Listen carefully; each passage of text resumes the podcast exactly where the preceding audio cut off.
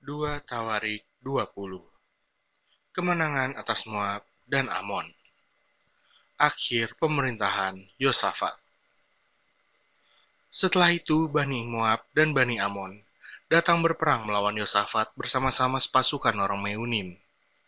Datanglah orang memberitahukan Yosafat. Suatu laskar yang besar datang dari seberang laut asin, dari Edom, menyerang tuanku sekarang mereka di Hazezon Tamar, yakni NGD. Yosafat menjadi takut, lalu mengambil keputusan untuk mencari Tuhan. Ia menyerukan kepada seluruh Yehuda supaya berpuasa. Dan Yehuda berkumpul untuk meminta pertolongan daripada Tuhan. Mereka datang dari semua kota di Yehuda untuk mencari Tuhan. Lalu Yosafat berdiri di tengah-tengah jemaah Yehuda dan Yerusalem di rumah Tuhan, di muka pelataran yang baru, dan berkata, Ya Tuhan, Allah nenek moyang kami, bukankah Engkau Allah di dalam sorga? Bukankah Engkau memerintah atas segenap kerajaan bangsa?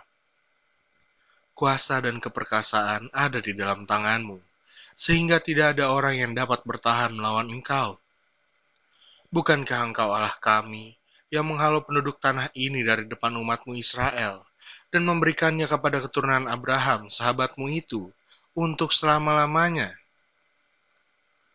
Lalu mereka mendiami tanah itu, dan mendirikan bagimu tempat kudus untuk namamu.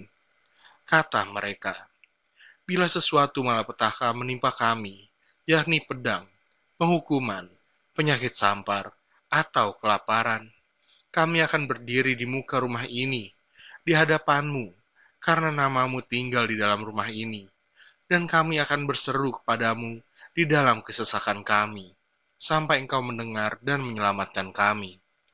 Sekarang, lihatlah, Bani Amon dan Moab, dan orang-orang dari pegunungan Seir ini. Ketika orang Israel datang dari tanah Mesir, engkau melarang mereka memasuki negerinya. Oleh sebab itu, mereka menjauhinya dan tidak memusnahkannya. Lihatlah, sebagai pembalasan mereka datang mengusir kami dari tanah milik yang telah engkau wariskan kepada kami. Ya Allah kami, tidakkah engkau akan menghukum mereka? Karena kami tidak mempunyai kekuatan untuk menghadapi laskar yang besar ini, yang datang menyerang kami. Kami tidak tahu apa yang harus kami lakukan, tetapi mata kami tertuju kepadamu. Sementara itu, seluruh Yehuda berdiri di hadapan Tuhan, juga segenap keluarga mereka dengan istri dan anak-anak mereka. Lalu Yahaziel bin Zakaria bin Benaya bin Matanya, seorang Lewi dari Bani Asaf, dihinggapi roh Tuhan di tengah-tengah jemaah, dan berseru, Camkanlah, hai seluruh Yehuda, dan penduduk Yerusalem, dan tuanku Raja Yosafat Beginilah firman Tuhan kepadamu. Janganlah kamu takut dan terkejut karena laskar yang besar ini, sebab bukan kamu yang akan berperang, melainkan Allah. Besok haruslah kamu turun menyerang mereka. Mereka akan mendaki pendakian Ziz, dan kamu akan mendapati mereka di ujung lembah, di muka padang gurun Yeruel. Dalam peperangan ini, tidak usah kamu bertempur, hai Yehuda dan Yerusalem tinggallah berdiri di tempatmu, dan lihatlah bagaimana Tuhan memberikan kemenangan kepadamu. Janganlah kamu takut dan terkejut. Majulah besok menghadapi mereka. Tuhan akan menyertai kamu. Lalu berlututlah Yosafat dengan mukanya ke tanah.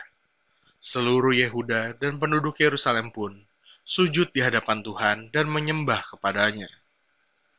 Kemudian orang Lewi dari Bani Kehat dan Bani Korah bangkit berdiri untuk menyanyikan puji-pujian bagi Tuhan, Allah Israel, dengan suara yang sangat nyaring.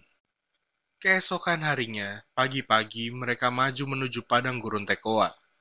Ketika mereka hendak berangkat, berdirilah Yosafat dan berkata, Dengar, hai Yehuda dan penduduk Yerusalem, percayalah kepada Tuhan Allahmu, dan kamu akan tetap teguh percayalah kepada nabi-nabinya, dan kamu akan berhasil. Setelah ia berunding dengan rakyat, Ia mengangkat orang-orang yang akan menyanyi nyanyian untuk Tuhan dan memuji Tuhan dalam pakaian kudus yang semarak pada waktu mereka keluar di muka orang-orang bersenjata sambil berkata, Nyanyikanlah nyanyian syukur bagi Tuhan, bahwasanya untuk selama-lamanya kasih setianya.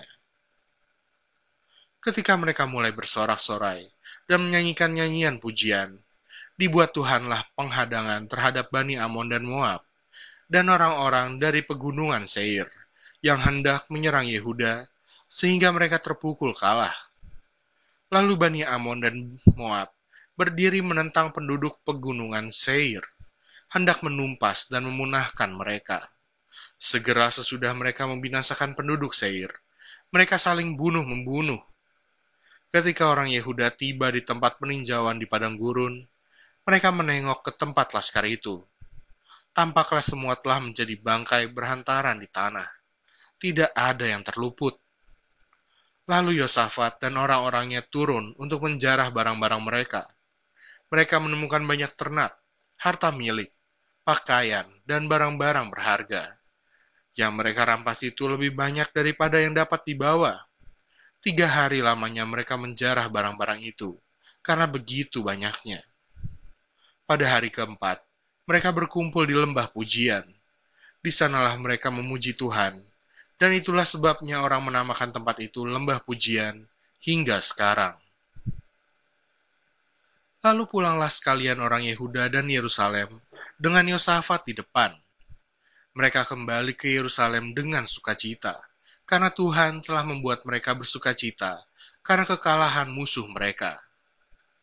Mereka masuk ke Yerusalem dengan gambus dan kecapi dan nafiri, lalu menuju rumah Tuhan.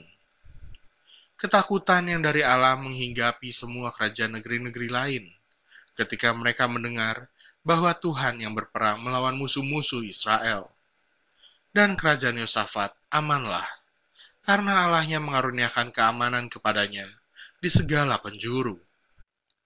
Yosafat memerintah atas Yehuda ia berumur 35 tahun pada waktu ia menjadi raja, dan 25 tahun lamanya ia memerintah di Yerusalem. Nama ibunya ialah Azuba, anak Silhi. Ia hidup mengikuti jejak Asa, ayahnya. Ia tidak menyimpang daripadanya, dan melakukan apa yang benar di mata Tuhan. Hanya bukit-bukit pengorbanan tidak dijauhkan.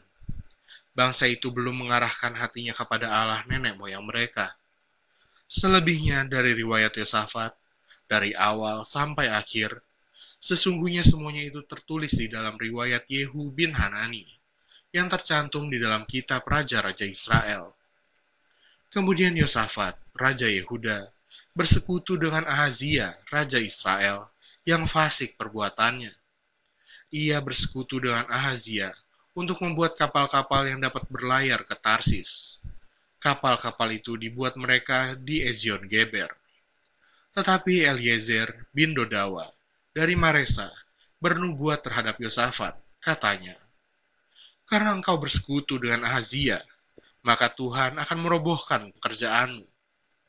Lalu kapal-kapal itu pecah dan tak dapat berlayar ke Tarsis.